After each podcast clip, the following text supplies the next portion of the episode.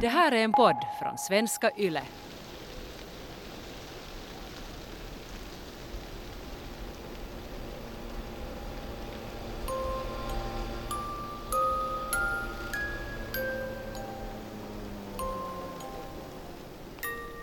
Aldrig trodde vi att det skulle sluta så här. Att våra liv skulle släckas på detta brutala sätt. Vi var ju så unga. Vi hade hela livet framför oss.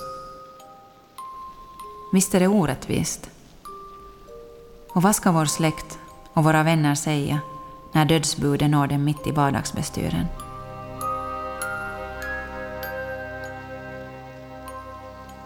Finlandssvenska krimpodden presenterar Den sista sommaren en femdelad serie om morden på 21-åriga sjukvårdseleven Eine Nysönen och det 23-åriga kontorsbiträdet Rita Pakkanen i Tulilahti år 1959. Del 3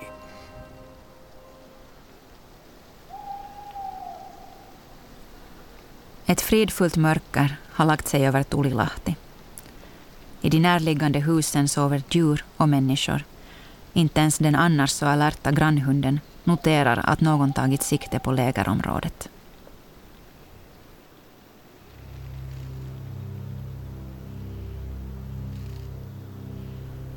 Snabbt och ljudlöst smyger han sig fram, stannar till och lyssnar innan han målmedvetet fortsätter fram till tältet där vi sover. Därför blir han stående en stund innan han tar ett djupt andetag och griper tag om kniven som hänger i bältet. Ännu kan han ångra sig och återvända samma väg som han kommit. Men det är för sent. Alldeles för sent att retirera när kniven höjs och genomborrar tälttyget. Några raska snitt klyver det tunna bomullstyget och blottlägger vårt skyddade bo som med ens förvandlas till en fälla.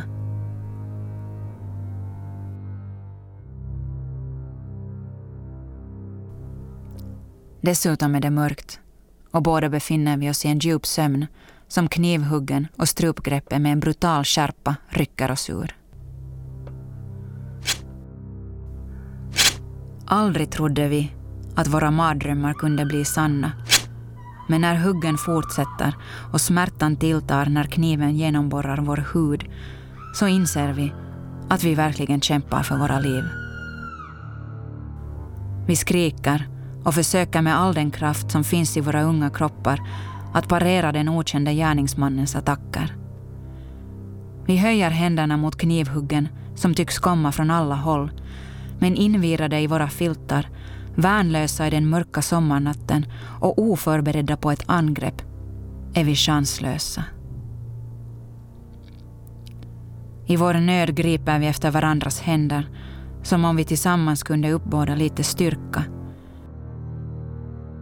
Men de återkommande slagen gör slut på vårt motstånd och till slut ligger vi bland granris och blodiga filtar och hoppas att de sista slagen ska förmörka våra medvetanden. Till slut känner vi hur smärtan avtar trots att slagen och knivhuggen fortsätter med oförminskad kraft.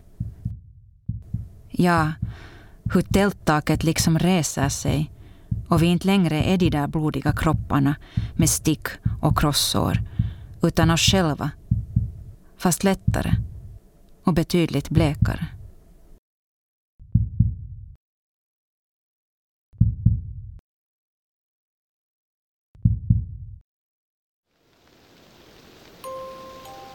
Med oförminskad kraft fortsätter mannen ändå att sticka kniven i de kroppar som inte längre är vi. Hans hand höjs och sänks och när den till slut stannar upp mitt i rörelsen bildar den en tydlig siluett mot det första tidiga gryningsljuset. Det är som om han äntligen kommit till besinning, plötsligt insett vad han gjort och nu tar ett kliv bakåt för att syna förödelsen invid sina fötter.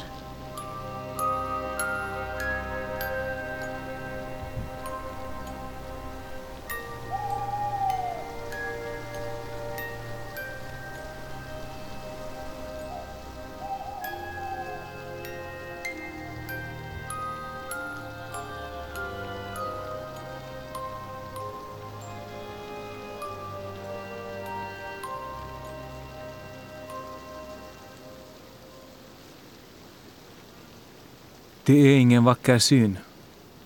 Två misshandlade kvinnokroppar, blod, tältrester och kaos.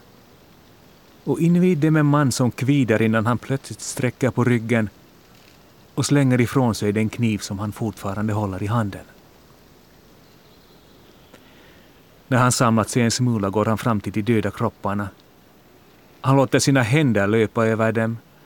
Han klämmer och nyper och rycker i sitt eget bälte med den andra handen.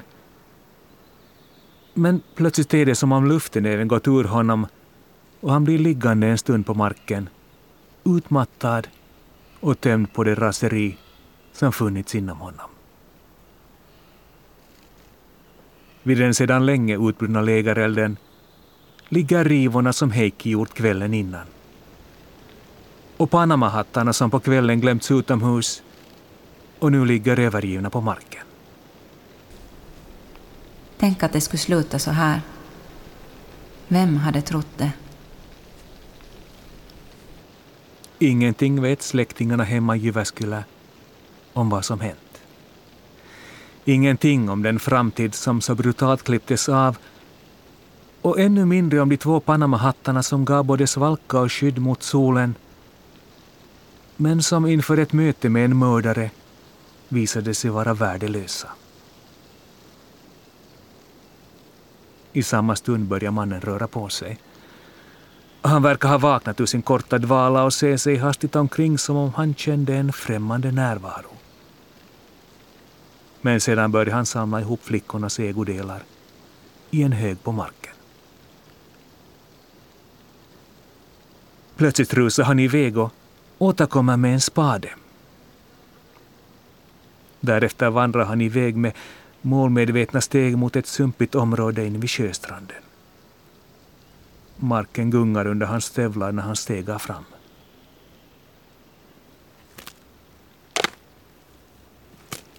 Mannen börjar gräva. Med samma frenesi som han nyss låtit kniven vina kör han spaden ner i den torrbevuxna marken. Han är stark och målmedveten och under hela grävningen unnar han sig inte en enda paus. Fortsätter bara att gräva en grop stor nog för två kvinnor. Plötsligt svär mannen tyst för sig själv. En halvförmultnad stock hindrar honom från att gräva djupare.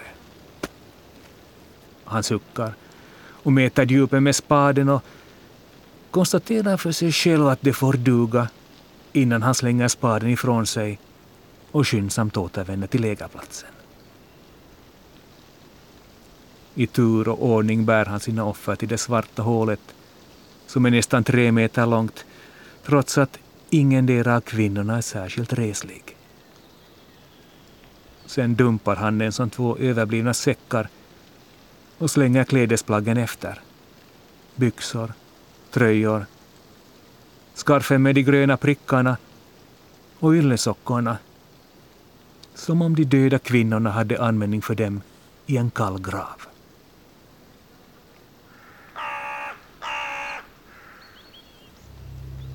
Där ligger kropparna staplade ovanpå varandra. I gryningsljuset ser det ut som om de famlade efter varandras händer eller tryckte sig in till varandra för att hålla sig varma. Men i följande stund är de som borttrollade när mannen sluter graven med torvblock som han radar in till varandra som ett pussel. Om detta varit en anständig begravning hade de sörjande sänkt blicken och kanske uttalat en bön. Men det här är ingen jordfästning, utan efterspelet av ett dubbelmord där ingen vördnad visas och där offrens kroppar och ägodelar ska gömmas som om de aldrig existerat. Till slut täcker mannen graven med kvistar och granris och några gran och tallplantor så att platsen ska se orörd ut. När det är gjort skyndar han tillbaka till lägerplatsen för att göra sig av med de sista prylarna som vittnar om att två unga kvinnor nyss befann sig på cykelsemester, levande, glada och fulla av framtidstro.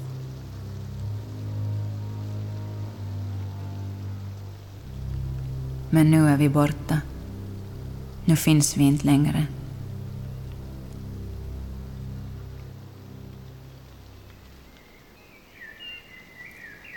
Kvar finns bara en solkig lägerplats, en kall mossgrav och en ensam mördare som fortsätter att gömma de prylar som ännu ligger utspridda i terrängen. Tältpinnar, kärl och bestick göms under ett lager av mossa i den närliggande skogen. Börsar tämps på pengar och några småprylar hamnar likaså i hans stora fickor. Till slut ställer han sig lite obeslutsam vid de två damcyklarna och undrar hur han ska bli av med dem. Det enda som hörs är några morgontidiga koltrastar och ett svagt skvalp från sjön. Kanske det är det som får mannen att leda cyklarna ner till bryggan och den lilla ekan som ligger förtöjd invid. Skyggt tittar mannen omkring sig innan han kliver ner i båten. Den gungar till men han lyckas placera de tunga cyklarna i fören utan att tappa balansen. Mannen ror ut ett stycke och låter cyklarna välta över bord.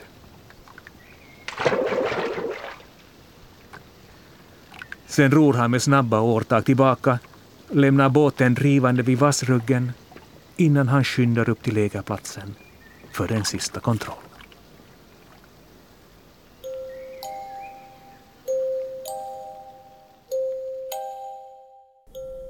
I strandbrynet guppar en trasig blå mugg som vi druckit kakao ur. Men i övrigt finns det ingenting som skvallrar om att vi slagit läger just här. Vi är utplånade. Vi finns inte längre. Vi är de döda flickorna som föll offer för en mördares kniv. Ska vi bli funna och få en anständig grav och ska mördaren någonsin ställas till svars för sina avskyvärda handlingar?